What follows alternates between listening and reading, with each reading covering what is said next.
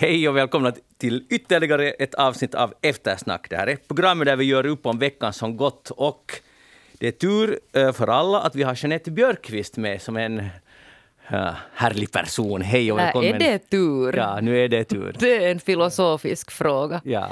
Tack. Hur, hur går det? Det känns ovanligt och trevligt att vara här igen. Det är ja, visst är det ovanligt. Ja. Ja.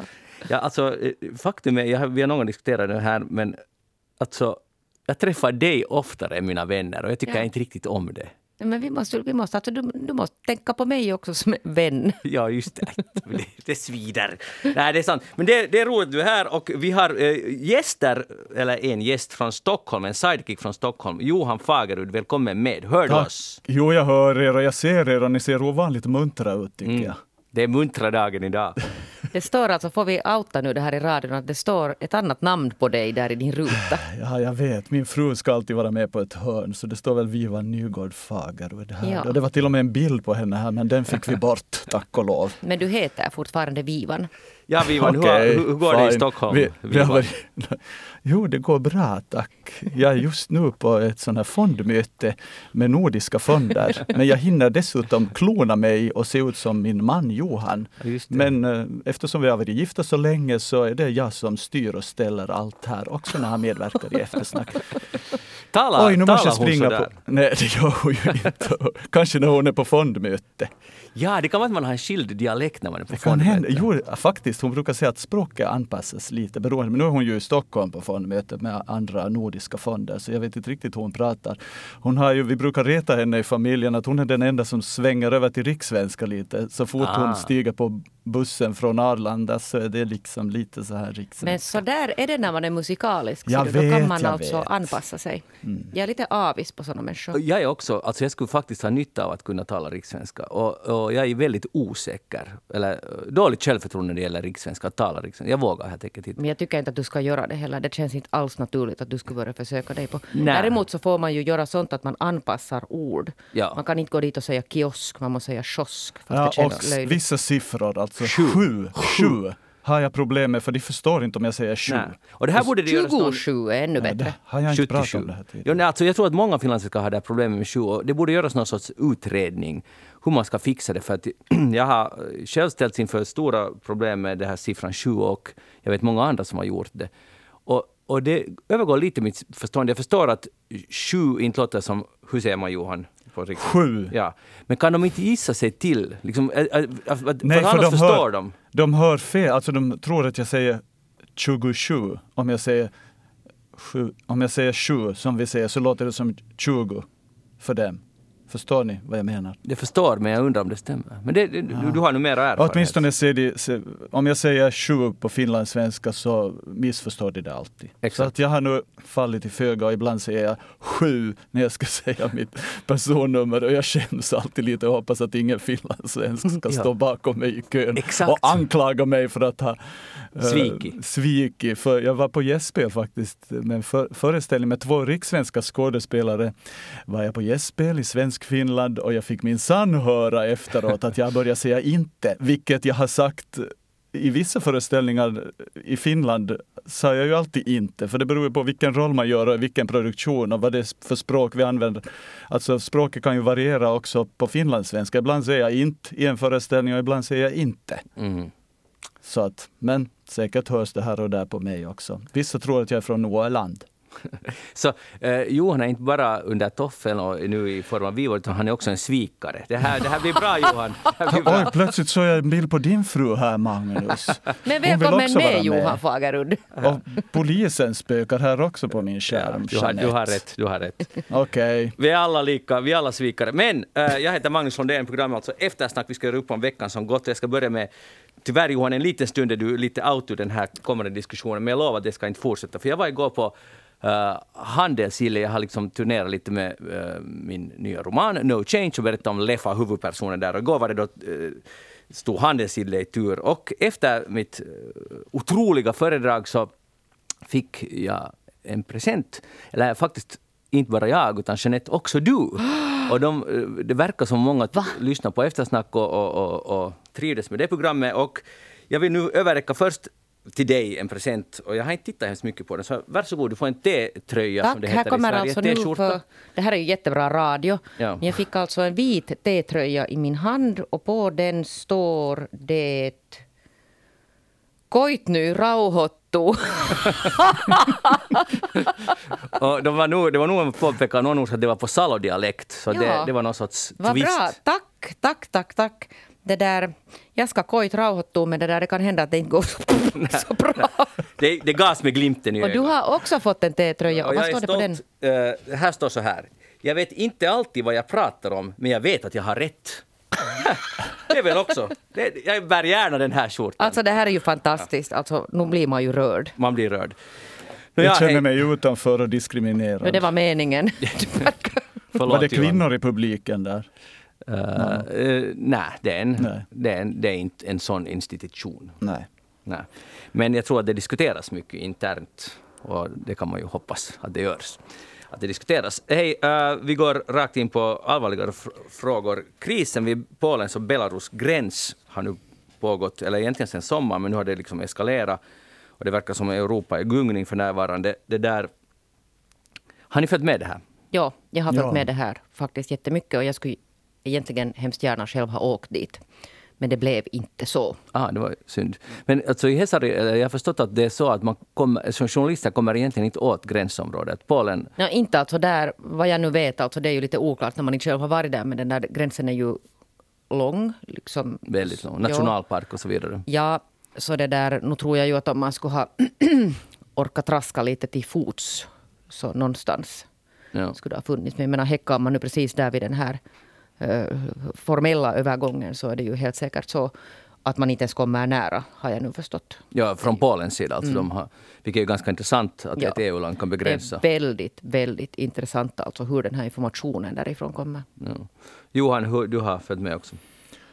Ja, jag har följt med det förstås. Eh, Jag har inte varit på väg dit som du tydligen Jeanette har varit. Men ähm, hybridkrig kallar de det här. Eller var, var det någon finsk politiker som kallade det hybrid? Alltså en ny form av krigsföring där, där man äh, använder sig av flykt... Eller är det ens nytt? Nu har man ju använt sig av flykt, flyktingar tidigare som någon slags äh, gisslan nästan. Men för inte så hemskt många år sedan så släpptes det ju från Turkiet också människor. Ja, då var det lite samma metod faktiskt. Eh, ja. Och sen det här med Rysslands inblandning och med, med plan som flyger över området för att signalera att vi på något sätt stöder det här. Ja, ryska plan alltså. Ja, ryska plan. Så läget är spänt och EU funderar väl på nu att hur ska de, de kan inte heller skippa sanktionerna för att då ger de vika för, för Lukasjenko. Säger ni Lu- Lukasjenko eller Lukasjenko? Ibland säger jag det sko. Det skrivs i alla fall men jag tror att man Ja. ska ha ett sånt här OA där i slutet. Ja. ja. Ja. Så ja, hur ska vi lösa det här nu här i eftersnack har ni tänkt? Det ska vi nog säkert lyckas med, eller det kan bli knepigt. Men alltså problemet är, det här är ju många problem. Men för det första, om man tar det i ska vi säga, viktighetsordning, så är det ju ändå Belarus som är skurken och i bakgrunden då sannolikt Ryssland. I alla, fall, I alla fall passar det här Ryssland väldigt bra. Och hela den här incidenten, eller allting. Men eh, några tusen människor är i skogarna där nu. Och vi måste tänka på att det här är då individer då. Som faktiskt Hesari hade ett fint reportage, eller inte var det ju fint i det avseendet, det var ju hemskt, men där man faktiskt fångade att där, där var en familj med en, ett litet barn som var där i skogen och hade blivit lovade att de får fri, fri lejd in i EU. EU. och blivit skjutsade dit, men nu går det då inte så bra, för det är ju ganska kallt. Alla kan föreställa sig att bo dygnet runt utan att ha något egentligt skydd. Det där, men så Alltså det är fullkomligt hänsynslöst vad Belarus sysslar med, Lukasjenko sysslar med. Så det, och det är bara så otroligt cyniskt att man faktiskt gör så. Att, att man äh, beviljar visum, ser till att frakta dit och bara för att man äh, för att uppnå ett eget politiskt mål, liksom bråka med EU. Och det där, det är ju ganska... Våra är ju inte så jättegott för framtiden. Och, och det där och sen är det förstås lite, det är ju inte så många människor det handlar om, men potentiellt skulle det kunna, kunna handla om fler. Nu är det 2-3 tusen som det sägs att det är i skogen där. Men Polen har skickat 17 000 soldater, poliser och gränsbevakare dit i samma område. Så förhållandet är ju ganska, känns lite inte kanske i proportion, men det är säkert för med tanke på vad som kan ske. Men Jeanette, har du någon... Om vi först skulle... Alltså problemet är då Lukasjenko eller Vitryssland, ursäkta Belarus? Ja. I första hand. I första hand är det så. Och sen kommer det andra problemet och det är EU och hur EU tycker nu att man ska alltså hantera det här. Men det är ju helt som du säger att, att, att nu talar vi alltså om människor. Om vi nu liksom, om vi sätter liksom i prioritetsordning så ska vi tala om de här människorna. Som då alltså nu utmålas ganska framgångsrikt av Polen och många EU-länder kompar. Att man talar om dem som någon sån här hybridvapen mm. i någon slags liksom sån här, sån här krig. Och det är ju ändå liksom människor vi talar om. Nu finns det ju alltså städer mm, i olika delar av, åtminstone Palermo tror jag, så var det några städer i Tyskland som hade sagt att, att hej, att vi tar emot dem, att vi kan ju behandla deras asylansökan istället för att bara på något sätt liksom låta dem vara där och inte kunna göra att och ställa sig på något sätt maktlös inför det här. Och, och det där betrakta det här som, om inte EU skulle ha så stora svårigheter med, med sina asylprocesser och den här tanken om att ingen ska få komma hit, så skulle vi, då, då skulle man inte kunna använda en sån här metod för att på något sätt utpressa mm. EU. För att det där fakta är det att, att ett smart drag skulle vara det att man säger att all right, kom då. Och så behandlar man de här asylansökningarna och så avgör man att, att vad det är eller inte. Och sen liksom agerar man då i olika länder efter det. För att då skulle det inte bli någon sån här... Då skulle man kunna utpressa alltså EU med det här. Och nu är det liksom olyckligt på det sättet att, att de här människorna då förstås av, av praktiska orsaker befinner sig vid Polens gräns. För att Polen har en massa pågående problem med EU. Och nu plötsligt har man, har man stigit upp som någon slags sån här hjälte. Att hej, att här står vi nu liksom i i första, första rum och försvarar EUs gräns. Och det är väldigt viktigt för många EU-länder att nu ska vi försvara vår yttre gräns. Ja. Ja, Polen har skickligt. Det, känns lite som om alltså det finns många aktörer, förutom just de där som är i skogen, som drar någon form av nytta av det här. För att nu kan Polen och EU plötsligt lite enas och vara jättesolidariska med varandra. Och Polens regering, högerregering, utnyttjar också det här i sin, man kan ju kalla det propaganda också, Uh, och det här passar Belarus och det passar Ryssland. Det finns många som, men det finns e-, ett gäng där i mittemellan som inte har någon nytta av det här. Utan tvärtom får betala priset. Ja, sen måste man komma ihåg alltså att, det där, att om man då säger att, att, att fine att vi öppnar den här gränsen, att kom till Polen och så ser vi sen att hur man slussar vidare. Så det betyder ju inte alltså att man öppnar gränser. Det är alltså en internationell människorätt att man har rätt att, att alla människor har rätt att söka asyl. Det är helt stipulerat. Och, och den som på något sätt kringgår den heliga principen, så den bryter mot internationella alltså människorättslag. Mm. Och sen är det en annan sak att får man asyl. Men det är, liksom, det, det är en sån här prövningsfråga. Och det kan hända, det vet, vi vet ingenting om, om vad det är för gäng egentligen no, som finns där. Jag föll väl i den gropen då som du talar om Jeanette och kallade det någon slags hybrid, eller hade snappat upp den grejen att man kallar det som hybrid. Alltså det, det är ju skrämmande att man använder människor på det här sättet som ett ja, faller jag igen i en grop när jag ser att de blir ett vapen. Men alltså det är ju redan, jag hörde hur de i Irak marknadsför den här vägen nu. Att, att, alltså, de lurar folk in i den här fällan på sätt och vis.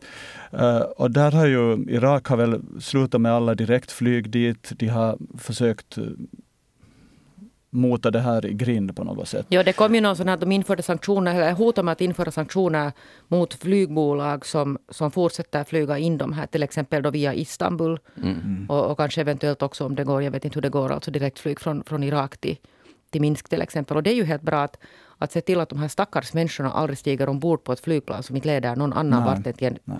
iskall, odräglig skog mm. någonstans på gränsen.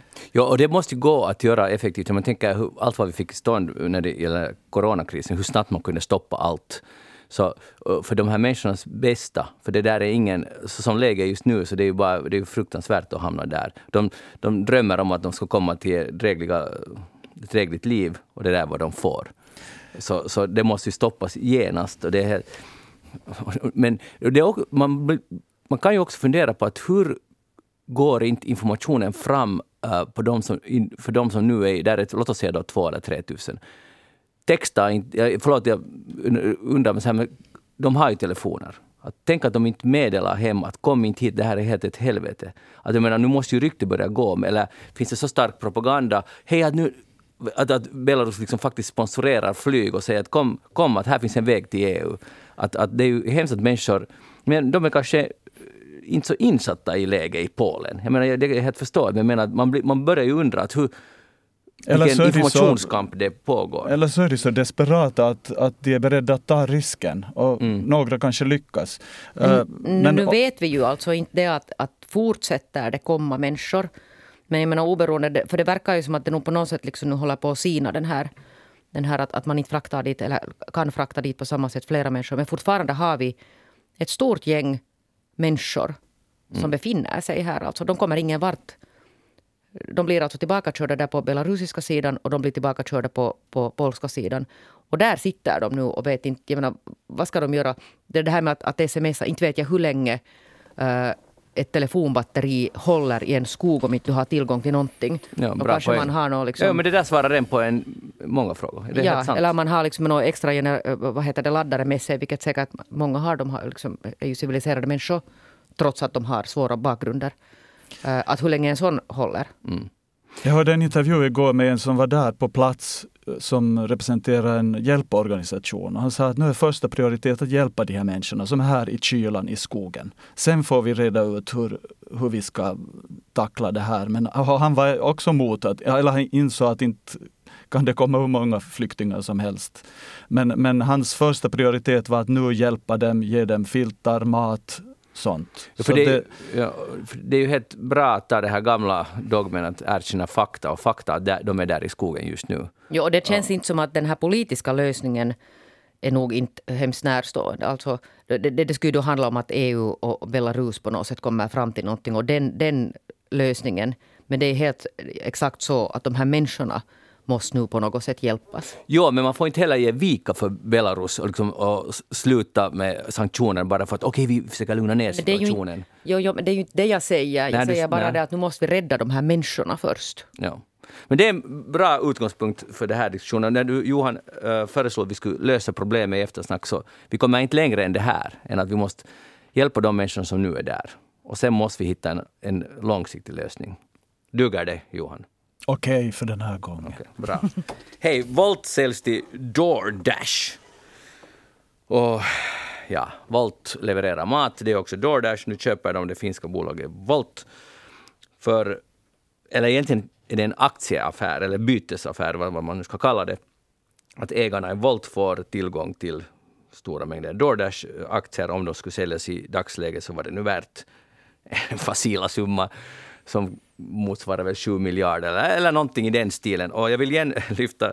Ja, eller, det intressanta här är ju det att Volt har aldrig gjort vinst under sin äh, existens och ändå är det värt så där mycket fyrk. Och, och jag satt bredvid då igår där på den här handelsgillet som jag berättade här tidigare om, en 92-årig kille som har sysslat med, eller man ursäkta, med finansiering på bank och han sa att han kan helt enkelt inte förstå det här. Och jag menar, i den, det, den, det skulle vara en ganska bra rubrik. Jag kan inte förstå det här. Men det känns på något sätt lättande för att jag förstod inte heller. Jag försökte verkligen, alltså Torsten Fagerholm som är begåvad på att förklara sånt här. Men jag förstod, att jag förstod inte vad det här baserar sig på. Men, men det lär finnas någon slags plausibel sån här akademisk förklaring till det här som inte jag riktigt lyckas greppa. no, men förväntningar Ja, ja, ja och algoritmer och tillgång till uh, kunnigt personal. Som kan ändras sen också i något skede förstod jag att, att det det är här ju- var nu men Och det är förstås inte så att de får ut 7 jo, miljarder. han, Sverige Nej, har alltså jag är, ju, jag är ju en inbiten cyklist, så jag möter ju de här Volt, ett kompani som cyklar omkring med mat här överallt. Så någon big business måste ju vara. Jag vet inte om Helsingfors ser ut på samma sätt nu, att det är sådana cyklister överallt. Eh, och vi satt på restaurang faktiskt, det hör till ovanligheterna, men vi var och åt här en kväll och medan vi satt i restaurangen och åt så kom det säkert in fem, sex kanske fler som hämtar mat. Så det är big business för restaurangerna också. Eh, och framförallt är det ju då, alltså nu när jag läste om det här och så att eh, politikerna också var överlyckliga, nu kommer det skatteintäkter till Finland. Sen var de lite osäkra, när kommer de där skatteintäkterna? Kommer de överhuvudtaget till Finland?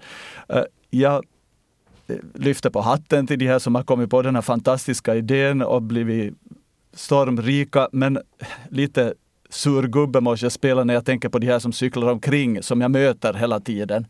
Och här i Sverige har det faktiskt kommit ut en bok. En eh, kollega till mig, eller han är musiker, frilansmusiker som under corona pandemin så drabbades han ju av det som många frilansare drabbades av, att alla eh, uppdrag försvann. Så då beslöt han sig för att eh, hoppa på cykeln. Han tyckte om att cykla och han tänkte nu testar jag att vara cykelbud. Och så jobbar han som cykelbud i ett år och har skrivit nu en bok som heter Cykelbudet. Och den har fått både gott mottagande men också förstås lite så här kritik för att han som vit privilegierad svensk gör det här men jag tror att den är läsvärd. Jag har inte läst den. Ja, vi, har, vi har snackat om den faktiskt i eftersnack. Ja, okay. ja. okay. Jag, jag, tror att den definitivt är läsvärd. Ja, för att, eh, och det kommer fram med det här Volt också, och de har ju också kritiserats för det här att de som jobbar för dem, eller nu säger jag fel, de jobbar ju inte för dem, utan de tvingas mer eller mindre att vara egenföretagare. Eh, leder till att, att eh, Volt behöver inte betala arbetsgivaravgifter, pensioner och allt sånt. Så att, ja, ja, det är mycket pengar som någon får, men jag är rädd för att det inte är de här som utför arbete som får Nej, det del av det här. Väl, det sades väl klart igår att det här ska man hålla nu helt separat från den här verkstadsgolvet. Ja, och, och, det kan vi nu vara alla... Det, om någonting är säkert så är det just det som är ja. säkert. Och det är därför man också får 7 miljarder, för att man har hittat en sån här modell. Och inte, inte är ju Volt de enda. Det, det är ju inte ens de som har hittat på hela konceptet, men de har lyckats framgångsrikt liksom expandera. Det finns i massor av olika länder, så det är jätteskickligt gjort. Uh, och sen har de fått mycket kapital också. Men alltså grattis, men, men Verkligen. Och när du undrade där, när kommer skatteintäkterna till Finland? Så det kommer väl när, man, när de eventuellt säljer sina aktier i DoorDash. Och det är lite oklart när de får sälja dem. Det är ju inte så att de idag kan kvittera ut sina 7 miljarder, utan det kommer att vara utspritt på en längre tid. Och om de ens säljer, who knows? Men som ni hör, jag är lite ambivalent i hela det systemet. Att jag är lite rädd för att det är ett sätt att utnyttja folk som annars har svårt att komma in på arbetsmarknaden. Uh, så och, är det väl alltså nog delvis, men sen alltså det ingenting är ju äh, svart och vitt. Nej. För att sen är det ju också så att för många av de här så är det ändå någonting. Absolut. Och, och gör man det på alltså, Många av dem har ju bra strategier och de har lärt sig det här systemet. Hur gör man för att på något sätt maximera? Och jag tror det är i Norge som de har organiserat sig och bildat ett fackförbund och fått igenom vissa rättigheter. Uh, så att, och jag menar som jag just sa, för de här restaurangerna är det också en viktig eh, Eh, viktigt sätt att, att bredda liksom sin kundkrets. Och sen är det nog att göra det lite lätt för sig om man tänker, för det, det är ju liksom hemskt lätt alltid att man slänger sådana här volt och de här Foodora, vad de heter. Att vitsi sådana svin som håller på och pressar in människor i sådana här, i sådana här påtvingade egenföretagarroller. Men inte det är bara de och det är ju samhället i stort också som, som kickar ut folk och säger att men du kan börja sälja dina tjänster som ja, företagare. Men alltså staten vill det. Alltså jag, menar att om, du har helt, jag håller helt med dig om att staten uppmanar ju alla att bli företagare. Så man inte ska lyfta arbetslöshetshunden. Så bli företagare, då, fixar allt sig. Och det är tyvärr inte lämpat för alla och det är inte heller så lätt alltid och så vidare. Så det finns många som är med i det här gamet. Men det som, en sak som jag tycker är jätteintressant med det här Volt och, och den där sju miljarderna är det att det här är kanske en, en, prognos på vad vi förväntar oss av samhället. Alltså framtidssamhället. Det kommer att gå ut på att vi sitter hemma och beställer volt för allt vad vi vill ha. Och jag ser det här, jag lite, blir lite orolig om det är så att det finns så enormt... För det måste finnas människor som tänker efter, som eh, bestämmer att det är värt, så att säga värt, fast det är aktier, men 7 miljarder då.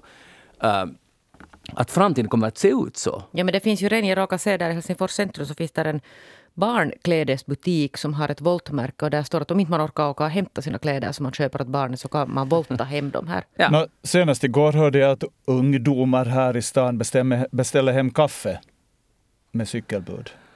Alltså på riktigt. Alltså, men, bra, superbra exempel. Och sen, sen tycker de att uh, Voi, eller nu kanske överdrivet, tänk om de blir sura om kaffe inte är riktigt varmt när de får det. Eller, och jag hoppas att alla i så fall alltid betalar väldigt bra med dricks som är direkt i det där budet och inte någon annan uh, i så fall. Men, men just det här att det blir ju, ett, det, det, blir ju en form, förlåt ordet, men det blir ju ett ganska starkt klassamhälle nog. Att vi sitter hemma, medelklassen uppåt, och väntar på att andra servar oss. Och vi betalar lite, men inte hemskt mycket för den där servicen. Men samtidigt jo, de får jobb. Så, så är det en sysselsättande effekt för människor som, som vill jobba och har svårt att komma in någon mm. annanstans. Mm. Det är jätte svåra frågor. Men äh, det är svåra frågor, men det som är. Äh, att vill vi ha ett samhälle där vi är, blir på något sätt så nojiga och slöa att vi inte vill gå och köpa vårt kaffe eller våra blommor eller vår mat Är det ju nytt? Alltså, Volt Nej, är bara... nej, nej, men det kommer att gå mot det. Alltså det, det, här finns nu en förväntning om att det här är big business. Och det har gått på förlust hittills, men någon dag ska det bli vinstbringande. Inte skulle någon göra en sån här affär annars. Och förstås spela ut en konkurrent och så vidare. Men, men det är ju helt tydlig signal för vart samhället är på väg och det kommer att förstärkas. Jag vet det har funnits i 10-15 år. Pizzataxin fanns sen på 80-talet. Men, men det kommer Men det var på den tiden när man betalade en extra summa för att få den hem. Ja. Ja, det gjorde jag senast häromdagen när- när min lilla bror fyllde 50 år och jag ville överraska honom med pizza på förmiddagen. Och det är ju ett jättebra. internt skämt och då betalar jag extra för den hemkör, hemleveransen. Men alltså som ni hörde på mitt inlägg, jag började ju med att säga att förlåt nu att jag är en sur gubbe, för jag ville samtidigt gratulera till de här genierna som har kommit på den här genialiska idén, men samtidigt tycker jag att det är en lite djävulusisk idé. Vad betyder Som- det? Nej, men, att det finns någonting dubbelt tväeggat i Mm. det, någonting djävulskt i att ha, nu ska vi lura de här människorna att jobba så billigt som möjligt och att vi ska slippa alla avgifter.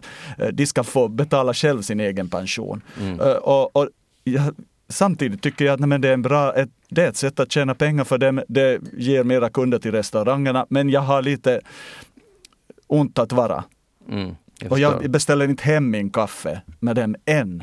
Nej, det är just det än. Snart vänjer vi oss vid det. Att, Jag vet. För nu är det ju en, jätte, nu är det en jättebra grej att någon levererar hem. Alltså, det är ju super. Men samtidigt tror jag, jag är inte säker att vi tänker på vad det leder i förlängningen. Alltså helt enkelt slöhet. Nå. Alltså på riktigt. Att vi, vi bara, och vi, och jag, jag tror att det kommer på köpet en nojighet för, för främmande människor. Alltså, jag menar, jag talar på sikt 20-30 år. Det är helt möjligt att det blir så.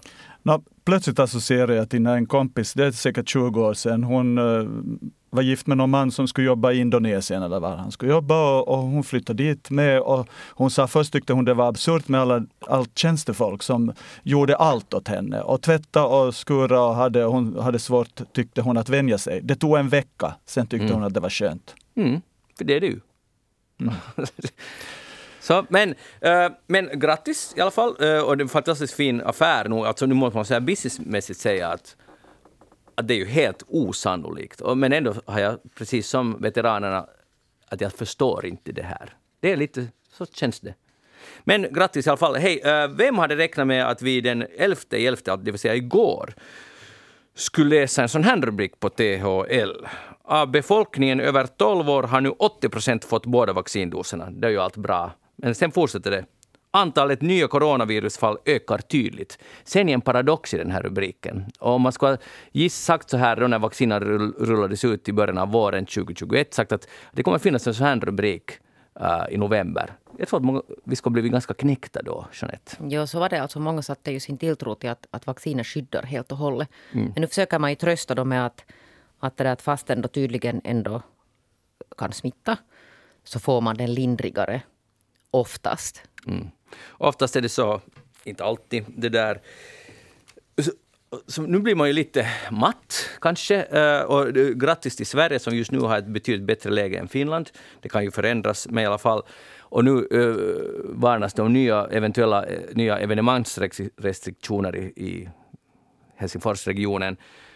Och, och i Danmark har de igen uh, tagit i bruk covidpasset och så vidare. Alltså, det var, Men man måste- tar, det, tar det någonsin slut, Johan? Jag, ja, men jag skulle bara säga att jag skulle citera, om jag skulle veta vem som har gjort den grejen, att jag skulle citera det här nu i relation då till belastningen på sjukvården. Ja. Men om någon har tips på, på var den analytiska faktabaserade artikeln finns i ett vedertaget med, media som eh, har förbundit sig till de journalistiska reglerna så, så dela den gärna på vår Facebook. Ja, och kan du, vad är det du exakt efterlyser? Du, det här att, att det där, att, hur korrelerar det här att om, om då fortfarande folk smittas, så vad händer sen då? För att, för att nu, nu hör man ju också om de här att, att man får på symptomfritt får man alltså positiva. Då kan man ju fråga sig sen att, Ja. att, att mätaren borde ju vara, som vi har sagt många, många gånger i det här från programmet. början har vi sagt. Ja, ja. så mätaren ska ju vara belastningen på sjukvård som ska vara alltså reell och faktisk och, och analyserad på lång sikt. Ja.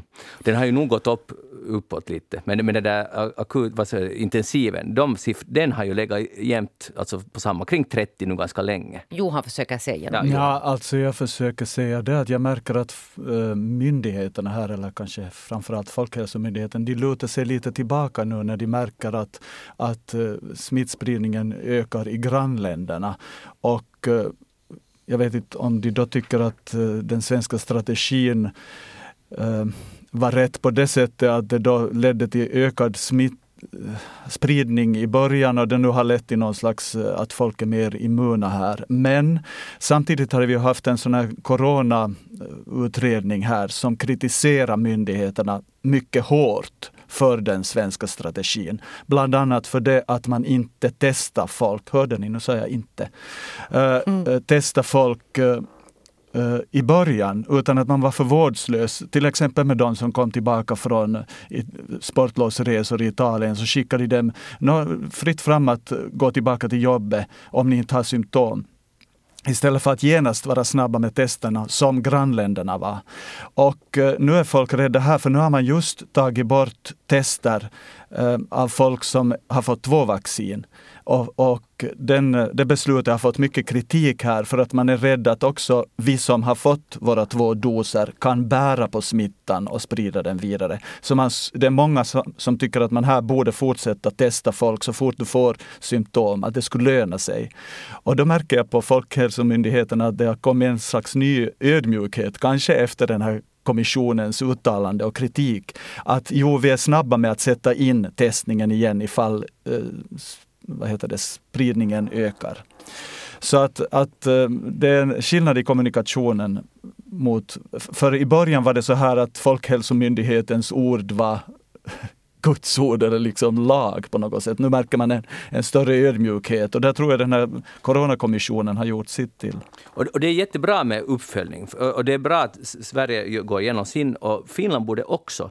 För att nu, alltså, jag vet inte, såg ni att THL skickade ut ett, vad det för fem dagar sedan ungefär, att nu igen för, har de påvisat att det var ingen nytta med att stänga skolorna, högstadierna, våren, 21, äh, våren äh, 20 och 21, ursäkta, att, att, det var, det var menings... Eller alltså, det tjänar inget syfte. Och det här skulle vara väldigt bra att, att nu, för det var ju en stor fight. Vissa tyckte varför ska vi stänga skolor? Vissa ville absolut att de ska stänga. Nu har vi fakta. Och vissa tyckte att man inte ska öppna dem på nytt. Ja, nu har vi fakta. Och, och det finns som, vi älskar fakta och man hänvisar ofta till vetenskap, vi ska följa. Nu ska vi lära oss av det här, att det var inte värt det att stänga med tanke på allt negativt som följde med av att stänga skolan. Så det här måste man nu anteckna där i allas vårt medvetande. Det var ett felbeslut och jag förstår att man fattade det då, för vi, man kunde kanske inte veta. Men också sommaren 2020 gjorde de en liknande undersökning. kom också då fram till att det var, att det var inte ett bra beslut för de yngre, för dagisar och skolor. Det, det, det var meningslöst. Så uh, tror du att man, vi lär oss av det här? Ja, jag hoppas att, att vi lär oss. Vi får se. Ja, Jeanette Björkqvist, vad har du tänkt på det här? Vet du, när du sa THL så får det mig osökt, nu hittar jag på en åsnebrygga av okay. sällan Holier får det mig osökt att tänka på Mika Salminen som jag träffade. Träffade du honom? Så där på avstånd träffade jag honom här förra helgen. Och här kommer nu vart jag ville komma, då jag var bjuden på den här svenska dagen. Var du bjuden? Jeanette var bjuden. Märkte ni, hörde ni åsnorna klappra där över bron? Ja, de, och det var många åsnor. Nej, jag ville bara, för det, det händer aldrig att jag blir bjuden på så här fina fester. Men nu var jag bjuden och det var jätteroligt. Alltså den här, den här huvudfesten hölls på, på Åland som firar 100 år av självstyre. Jag älskar Åland, det gör Magnus Londén också för att vi har ju mm. våra nya Åland-kopplingar. Jag har släkt på Åland. Har du det? Mm. Åh, oh, nu blev jag lite avis. Men, det där, men jag ville prata lite om den här festen för att det där, mm, där var ju då en hel del från rike, sådana finlandssvenskar som jag. Och så var där en hel del ålänningar och det var jättetrevligt. Men, men det som ju kom fram då, vi festade, en del festade ännu längre. Och nej, nej, hur länge festade du? När det där, jag och min kompis höll igång till ungefär halv tre men, men det fanns rapporter sen om sådana som ännu hade tagit några selfies på konstiga ställen lite efter sex på morgonen. Alltså jag blir så glad när jag ja, och där var Det finns liv i Svenskfinland ännu. Ja, på, nej, inte. På Åland. På Åland, ursäkta. det är en annan sak. Ja, det, det, det, det var sån här, vet ni, helt sån här som, som förr i världen, sån här sån här nattklubb på, på Arken och det var alldeles klart att jag är för gammal Va? för den här slags musiken som, som Ah. spelar där. Var du på dansgolvet? Jag försökte men det, vet, du, det, var, det, det bara helt enkelt, det gick inte men det var, det var fullt ändå. Men alltså jag var, sitter tyst här för att min dotter var ju på den festen och jag har en impuls som jag försöker kväva för att jag skulle vilja ha lite nu. Skvaller. Liksom, att hur skötte hon sig? Och hur, hur, ni, förra eftersnack pratade ni ju om de här julfesterna som man inte ska bli för full på Nej, men vet och vad helst gå hem i tid. Nej, vet du, din dotter hon var ju, förde ju sig exemplariskt. Hon är en civiliserad ung dam och Hör vacker ni det som nu, bara hela den. Svenskfinland? Ja.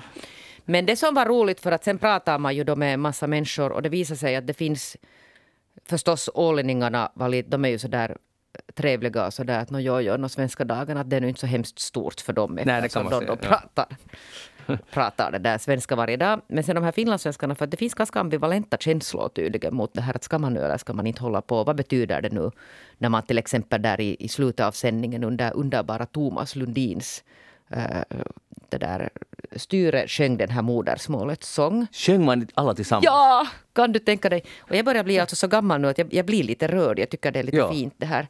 Men det tyckte då inte alla. För att sen är det, det finns ju alltså också sådana som tycker att man ska vara lite sådär att, äh, det här med det här finlandssvenska. Att, Ja. Jag förstår. Hur många verser sjöng ni? Alltså, två, jag kan två. ju tyvärr inte den andra men, men det fanns Kanske det bara finns två? Jag är inte säker på det här. nu. det här, nu var vi, jag, jag, vet inte heller. Johan Fagerud, Ja, du är alltså- civiliserad.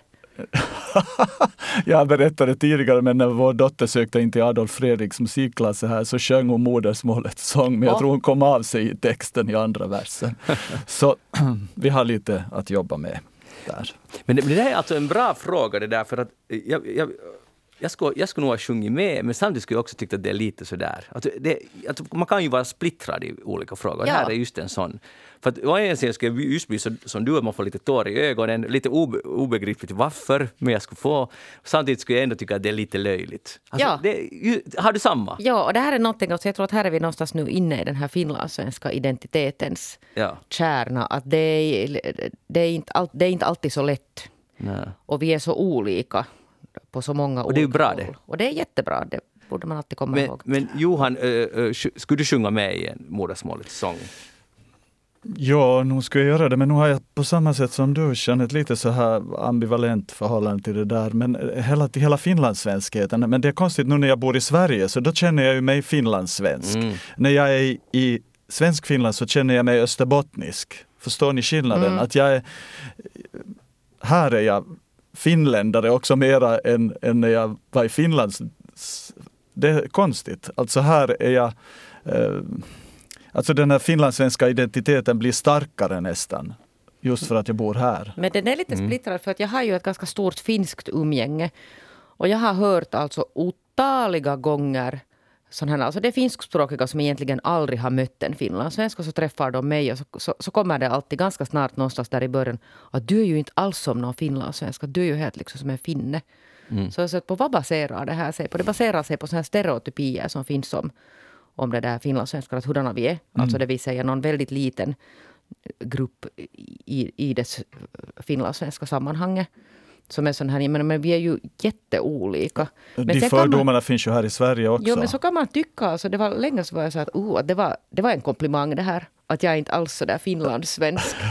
men, men vad är det nu egentligen sen för, för jotto det också? Ja, för det, beror på, alltså det, det är intressant, då borde man få analysa vem jämför, eller hurdan typ, hurdan trodde du att jag skulle vara? Jag vet exakt alltså vad de jämför berätta. med. De tror att det är en sån här finlandssvensk som sitter på segelbåten, har jättemycket pem- pengar och pappa betalar och så är man solbränd och åker på skidsemester till några lyxiga orter någonstans. Det är exakt alltså det vad de har trott att alla finlandssvenskar är. Mm. Och sen är det på något sätt en chock för dem att titta här kommer en som är helt vanlig. Det är, nog, det är intressant. Det är superintressant kan man väl säga. Men um, en sak undrar jag, för då när du sa att du nu är bjuden dit så tänkte jag att tänk om det är det att, att nu har de noterat det, för du har ju skrutit här i eftersnack om att du har uh, så att säga försvenskat många män i, i din livshistoria. Ja. Att du skulle få den där medaljen som vi efterlyste. Nej, men jag fick en sån här liten, sån här, vad heter det, sån här liten pinssi heter det. Svenska dagen-märke. Ja, den var fin. Men- Det fick alla andra också. Du borde nog få, jag menar, eh, du har Men ju, Johan ska också få en massa. Vi har ju suttit här med Johan och hittat på allt möjligt vad vi ska få sån här medalj för. Medaljer. vi får se, eh, kanske nästa år. Maybe. Ja. Johan Fagerud, vad har du tänkt på den här veckan? Oj, jag har tänkt på så otroligt många olika saker, bland annat förlossningar. Jaha. Ja, det är för att här diskuteras hemskt mycket nu barnmorskorna. Alltså för att det har blivit kris på förlossningsavdelningar, i synnerhet här i Stockholm, men det visar sig att det var i hela Sverige egentligen. Folk har sagt upp sig. Uh, på Danderyds sjukhus tror jag det var kan det ha varit 20, eller 20 som vi säger. 20 mm. eh, barnmorskor som har sagt upp sig i protest mot, eh, mot arbetsförhållanden. Alltså att det är för, för tungt, för få, alltså för många eh, patienter per barnmorska så det blir stressigt. Eh, och eh, jag tänkte jag tänkte säga att jag tänkte automatiskt på mina egna förlossningar, men, det, men på våra på, när våra barn föddes. Och det var, den ena föddes i Helsingfors på kvinnokliniken och det var ju helt suverän eh, suveränt engagemang och omvårdnad. Och samma var det med vårt andra barn som föddes i Vasa. Så vi har inte upplevt den här krisen eh, som man pratar om här i Sverige. Att eh, nu är de till exempel i Lycksele var de rädda för att eh, under julen så kommer de att stänga ner avdelningen. Så att eh, föder du under julen kan du vara tvungen att åka 400 kilometer för att föda. Eh, varför jag funderar på det här var sen när jag lyssna på hur de argumenterar för sin sak. Vi är med dem, barnmorskorna, så länge det handlar om att, att de vill räcka till för patienterna, de, de vill ha tid för sina patienter, eh, de vill inte bli utbrända. Allt, hela tiden där är jag med dem. Men sen när de säger att vi vill ha 8000 mera i lön per månad, så blev det plötsligt eh, ganska många som protesterar för att det visar sig att deras lön var ändå eh, medellönen var väl 41 000 kronor, alltså drygt 4 000 euro, vilket är en ganska hög lön också här i Sverige. Till exempel sjuksköterskornas medellön är där 10 000 mindre. Så att vad jag är ute efter att när du argumenterar för någonting för att få stöd eh, så eh, pengar är inte sånt som väcker liksom sympatier. I synnerhet inte om du har en så hög lön som de ändå tycks ha. Utan det är det där mera att, att uh, tid, omsorg, stress. Johan, vad, får en, vad är medellönen i Sverige ungefär? Alltså eh, generellt? Alltså, nu jämför jag bara med det är lägre, betydligt lägre. Alltså, omskådislönerna är kanske där kring 30 35, 30-35 tusen. Okay. Uh, alltså jag är ju son då till en sjuksköterska som eh, för 20-30 år sedan redan pratade om de här lönerna bland sjukhuspersonal i Sverige, att det var så mycket högre. Sen sjönk det faktiskt, så att det har varit ganska låg nivå på sjuksköterskornas lön i proportion till allt det arbete som de håller på med. Uh, Ja. Men vad, vad, tycker du Jeanette? En, att, eller ska vi säga så här, fick de, Johan, fick de sympati nu? Du sa att, att det, de fick sympati det så länge svajigt. de inte pratade om pengarna. Så fort det kom pengar, nu, nu, kom det ganska mycket kritik mot att hur text de begära löneförhöjning när de har ändå så pass mycket mer än vad... Jag förstår. Men hur täcks de och hur täcks alltså en massa manliga branscher då be om Uh, jag, jag flummar lite, men alltså vi är ute efter, jag var intresserad av det där att det var så fort det kommer in pengar så, så förlorar man sympatierna. Ja, mm. eller jag vet inte, förlorar man alltid sympatierna men åtminstone förlorar man många gånger förståelsen. För att nu har ju den här lönediskussionen, kanske inte på samma sätt, alltså jag vet den här svenska barnmorskekrisen, men, men ta nu till exempel inom åldringsvården eller uh, vet ni, småbarnspedagogiken eller liksom sådana branscher som faktiskt har väldigt dåliga löner i Finland. Alltså en, en där min mamma, som om vi nu hänvisar till mammor som jobbar som, som åldringsvårdare hela sitt liv och aldrig kom över 1800 euro i månaden. Det är inte hemskt många år sedan hon slutade. Mm. Förstår ni? Och då, och då gör man, och där har man ju talat om den här bristen på, på personal som de facto, alltså om vi nu utökar den här diskussionen. Det är väl brist på, alltså det har varit svårt att få tillräckligt många barnmorskor i, i Sverige. Ja att, att vi faktiskt står snart inför en situation där det inte finns människor som gör, som gör det här jobbet. Mm. Och det har ju alltid, varenda gång att sjukskötare eller sån här närvårdare eller någon försöker föra en sån här lönediskussion så kommer det att nej, inte kan vi. Inte kan vi höja, att det går inte, samhället har inte råd. Men vad gör vi sen alltså den dagen när det inte faktiskt finns händer som gör saker? För att alla händer är upptagna med att föra kaffe till oss, eh, Ja. jobba för Volt. Alltså, det är det här som händer. Händer. Ja, men Att- det som, ja, förlåt. Nej, men att, att, att, att, de, att man, arbetskraften är på fel plats, så att säga. Dels rent fysiskt och sen också man, när man är på plats i, i landet i fråga så görs det kanske fel saker som uppfyller medelklassens sådana här behov. Alltså det, är ju ganska intressant att, att vi kan, som du Jeanette säger, ha en sån situation där vi inte har folk som gör det här jobbet. Ändå finns det ju folk i Finland. Jo, och, fa- och fakta är väl nog ändå det, alltså när man talar just om den här branschen, som det på något sätt det är omöjligt. Men där har det också funnits ibland sån att man får inte tala om pengar för att egentligen borde man alltid inom vården drivas av, av att det är ett kall och man vill liksom sköta om. Men inte betalar man i dagens läge räkningar eller, eller hyror eller, eller bostadslån för sådana löner som på något sätt hänger så kraftigt efter i den allmänna utvecklingen. Men det blir alltid så att, att man förstår men ändå händer ingenting. Ja, men eh, det som du säger, alltså, men det blir en slags klasskillnad också inom skrå, där hemvårdarna, hemsjukvårdarna som far runt i alla åldringar och sköter om den där, har liksom hälften av den där lönen. Så då blir det också en konkurrens inom yrke som ju inte är bra.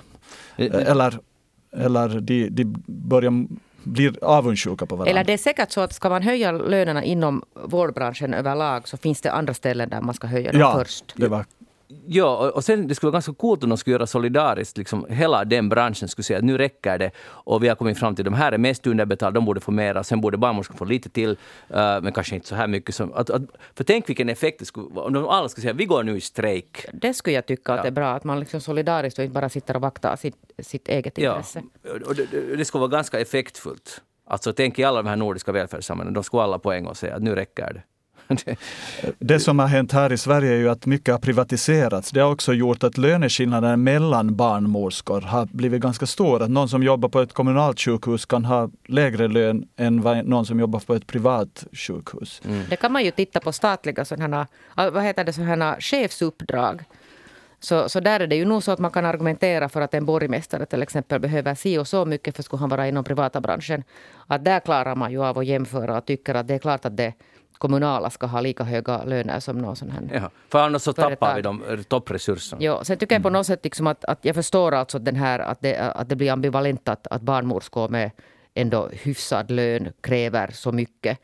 Men nu är det ganska fräscht också att man vågar göra det inom Ja. N- något Vi är inte vana vid den här kaxigheten. Det är det, det som är säkert en del av chocken i Sverige blir att, va, va, va, hur, hur, att ni får ju en bra, att sluta gnälla och, när andra kräver så är det mera skäligt. För vi är inte vana den där branschen ska inte göra ett väsen av sig. Jag tycker Nej. att alla där inom den branschen borde göra mycket mer väsen på alla håll. Och det du sa om det här med Kalle, det kom faktiskt också upp här i den diskussionen. Att det är kanske en generationsskillnad, sa hon som då talade om det här. Att, att vi idag så är inte beredda att eh, vara någon slags Florence Nightingale som gör det här av ett kall. Men då fly- förflyttades jag ju 30, till, 30 år tillbaka i tiden för det var precis detsamma som min mor, sjuksköterskan, sa. Att, att hon är så trött på att höra om den här Florence Nightingale. Att, att jag är ett kall, jo, men alltså det ska ju vara betalt det här jobbet som görs. Så att den diskussionen är inte ny.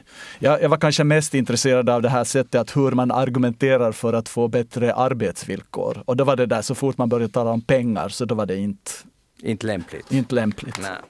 Hej, jag har tio påståenden som jag vill testa på er. Snabba svar, ja eller nej. Eh, Jag känner, jag känner att min dagliga sysselsättning är betydelsefull. Ja, För det mesta. Okej? Jag får positiv respons på det jag gör. Ibland. jo, ibland. Jag ingår i en grupp eller en gemenskap som är viktig för mig. Ibland. Eh, som frilansare kan jag sakna det där, nu kommer det lite, för ibland så är det en jag har trivts som frilansare, men jag, någonting har hänt under den här coronatiden. Då har jag saknat den där gemenskapen av ett, en, eh, en ensemble. Mm. Alla andra människor behöver mig. Nej. Det det stämmer nu inte. Du har familj. Vem? Familj, ja, ja, familjen familj. behöver... Nå, inte vet jag. inte Behöver Johan. Katterna behöver mig. Familj. Ja. Jag kan påverka mitt eget liv. Ja, Ja, Jag känner att mitt liv har ett syfte. ja. för det mesta. Mm. Jag försöker eftersträva sådant som är viktigt för mig. Ja, Ja, Jag får hjälp när jag verkligen behöver det. ja. ja, Jag upplever att man litar på mig. Ja. Ja. Jag kan påverka vissa faktorer i min livsmiljö. Ja. Ja. Bra, för att eh, eh, Johan hade inte så starka Jan, men ganska många ändå. Och Jeanette hade, om jag uppfattar rätt, de flesta, nästan lite fler Jan än Johan. Stämmer Mm. Jag hade ännu mera Jan. Jag är kanske lite för optimistisk eller på något sätt, eller lite så naiv, men jag hade ganska många Jan här. Men eh, det här är en undersökning som THL har gjort. Man har tagit reda på hur, alltså sådana som är helt enkelt fattigare i samhället, hur svarar de på de här samma tio frågorna? Och ju mer nej det kommer, alltså ju fattigare man är, desto större chans är det att man svarar nej. Och då känner man sig ännu mer utslagen i samhället. Och jag har inte tänkt på det här ärligt. För, för mig var det ja, ja, ja, andra människor behöver mig och jag behöver också andra människor. Det är jättetrevligt. Förstår ni? Att ta det här testet och plötsligt inså att tänk om man skulle svara nej på de här frågorna genomgående. Mm. Det skulle ganska, då skulle man känna sig ganska nere. Det där har man pratat mycket om här, i synnerhet med de här gangs, gängkrigen. Alltså och med, med ut, folk som känner sig utanför samhället. Det finns sådana som vill vara utanför samhället, men också folk som har hamnat utanför samhället. Och det är, de, de känner inte sig engagerade i samhället och de känner nästan som att samhället är ett hot mot dem. Och det där är någonting som man börjar inse här, att det där måste vi åtgärda fort, illa, kvickt. Och och det är så typiskt att, igen, eh, eh, förlåt nu jag hugger jag på medelklassen, men det är bra att vi är självkritiska, för det enda som jag egentligen hade ett sånt svajigt svar på var det här, um, jag känner att mitt liv har ett syfte, och det är med, ur, ur ett sånt filosofiskt synpunkt, vad är nu egentligen meningen med livet? Att man har lyxen att börja fundera på det, ja, är det månne att man ska jobba, eller ska man eh, älska, eller ska man vara på stugan? Och, vet du, att, att vitsig så rik man egentligen är, och nu menar jag inte e-, ekonomiskt, utan, och det hänger ju ihop. Men jag menar, man kan sitta och svara ja på de här frågorna och ha tid att fundera på, har livet ett syfte? Jag, jag, jag, jag, vet inte, det var bara en ögonöppnare för mig. Jag skäms att jag inte har tänkt på det här tidigare, men så här är det. Och just att man, att man på riktigt känner att man kan påverka samhället. Jag säger att om någon parkbänk har brunnit någonstans eller gått sönder, så jag känner jag kan ringa till någon, och jag gör det också, jag ringer till någon tjänsteman. Hej, ni måste fixa den här parkbänken. Alltså, de flesta, eller många känner kanske att de, det skulle inte ens falla dem in att de kan påverka en sån här sak. Eller sen har man inte ens kapacitet att fundera på att det här är något som man kan göra för att det finns många flera akuta saker. Exakt, liksom vardagen. Till Att- att- exempel cykla efter någon som har nästan kört på en, som du berättade om senast. ja, ja, exakt. Det har jag fått höra om. Men, att, men det, det behöver vi inte nu, nu gå in på. Men uh, ja, vi går vidare. Hör, hörni, uh, vad Du ska springer... korrigera det där datumet förresten. När ska du göra det? Ja, vi söker efter, alltså i förra Eftersnack så sa vi att uh, Eftersnack fyller ju faktiskt 16 år här alldeles nu i slutet av november och jag sa fel datum. Det vi söker efter är en, en person som är född 25 november 2005. Så om ni känner någon person som är född 25 november 2005, vänligen kontakta oss. För vi har lite intresse av att ha den här personen med i eftersnack på ett eller annat sätt. För den här personen skulle vara lika gammal som det första avsnittet, lika gammal som eftersnack är. Och jag undrar hur ser en sån människa ut? Som är lika fräscha som vi. Eh, eh, så hör av er till eftersnacksnabelayle.fi. Jeanette, hur snabbt springer du 100 meter? Herre, inte vet jag. Johan? Kommer du ihåg ditt rekord? Äh, Jag var alltså hård på att springa men jag skulle nog inte springa samma som nu. jag simmar snabbare än jag springer. Var du bra Jeanette på Jag var bra på, kort, jag på korta distanser, inte på lång. Var du med i någon distriktmästerskap? Nå nej, men inte fick jag se du vara med i sånt. Men jag var och sprang i stafettkarnevalen nog. Ah. Hade mig. Men jag springer faktiskt nu ofta för att jag är så rädd att jag inte ska hänga med min dotter när jag, vi ska hälsa på henne här inom kort. Och då tänker vi jogga i parken och jag är rädd att hon ska springa ifrån mig. All, all orsak, Johan. All orsak. Men hänger du med tills vidare? Ja, ja. Inga problem. Men vad frågar du om den här Jo, hundra? för att eh, jag har läst nu om Julia Hurricane Hawkins som har deltagit i seniorlöpningsmästerskapen i Louisiana Senior Games. Och hon satt då världsrekordet för 100 meter. Hon sprang det på tiden 1.02.95 och det som är den lilla twisten här är att hon är 105 år gammal. Och, där, jag, och jag kollar på videon när hon, platsen är färdig att gå, så springer hon faktiskt iväg. Och, och jag är En gång till den där tiden. Eh, 1.02.95. Alltså inte gick det är ju så att säga jättesnabbt om vi är va- vana vid någon Usain Hon Bolt. sprungit Hon 100. sprang. Hade hon rullator? Nej, hon sprang. Och framförallt armföringen var väldigt imponerande. Att hon var, eh, alltså benen förstås, hon, man kan inte säkert lyfta benen lika högt om man nu är 105 år så Så alltså, jag skulle säga att, att den här veckan har jag till exempel varit lite skadad, äh, självförvållad löpskada. Hon skulle ha vunnit mig, för jag skulle inte, jag skulle inte kommit snabbare än henne genom det där. Så hatten av för Julia Hurricane Hawkins. Verkligen. Och det där, och, och, hon har faktiskt en hälsning till oss alla. Att, att det, det, om du vill vara, få ett långt liv och vara glad när du åldras så ska du hålla dig aktiv. Precis som Johan gör med sin dotter. Och Jeanette, eh, är du med på det här? Absolut. Pledgen? Men jag tycker att man ska tro när en människa i den här beaktansvärda åldern säger någonting. Då ska man lyssna och tro på det. Ja, det, och det är just det som är sant. Uh, för det finns en viss visdom i någon som är 105 år gammal. Att det, den här bevisar nog att, att det här konceptet funkar. Så Johan, för det här det, inspirerar dig det här ännu mer att röra på dig?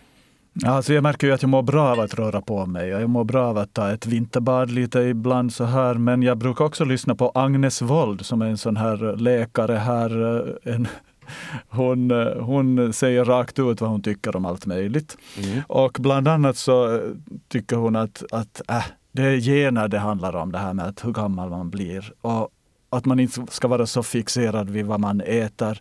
Och, och, så är hon också allergisk mot det här uttrycket att man ska tänka positivt så lever man längre. Hon, mm. blir rabiat, hon blir arg av att tänka positivt. hon tänker negativt om att tänka positivt. Ja, jag tycker ja. det är lite befriande. Uh, hon tycker att det, det är liksom bara... Hej, men det är bra. Alla vi surgubbar kan fortsätta vara sura. Det spelar ändå ingen roll. Där har vi, tack Johan för den livsvisdomen. Okej, okay, det var mitt bidrag idag. Jeanette Björkqvist, tack så väldans mycket för att du tog dig tid att komma hit. Ja, tack, tack. Och hoppas vi ses igen nästa, nästa, vecka. Nästa vecka. Ni kan gå in på facebook.com eftersnack och tycka till om det vi har snackat om idag. Tack Johan att du joinade oss från Stockholm. Håll, håll den finlandssvenska flaggan högt. Och tack Max jag. för att han fixade detta. Tack Max Kivivuori som var tekniker idag. Jag heter Magnus Lundén. Eftersnacket är slut igen och vi hörs om en vecka. Ha det bra.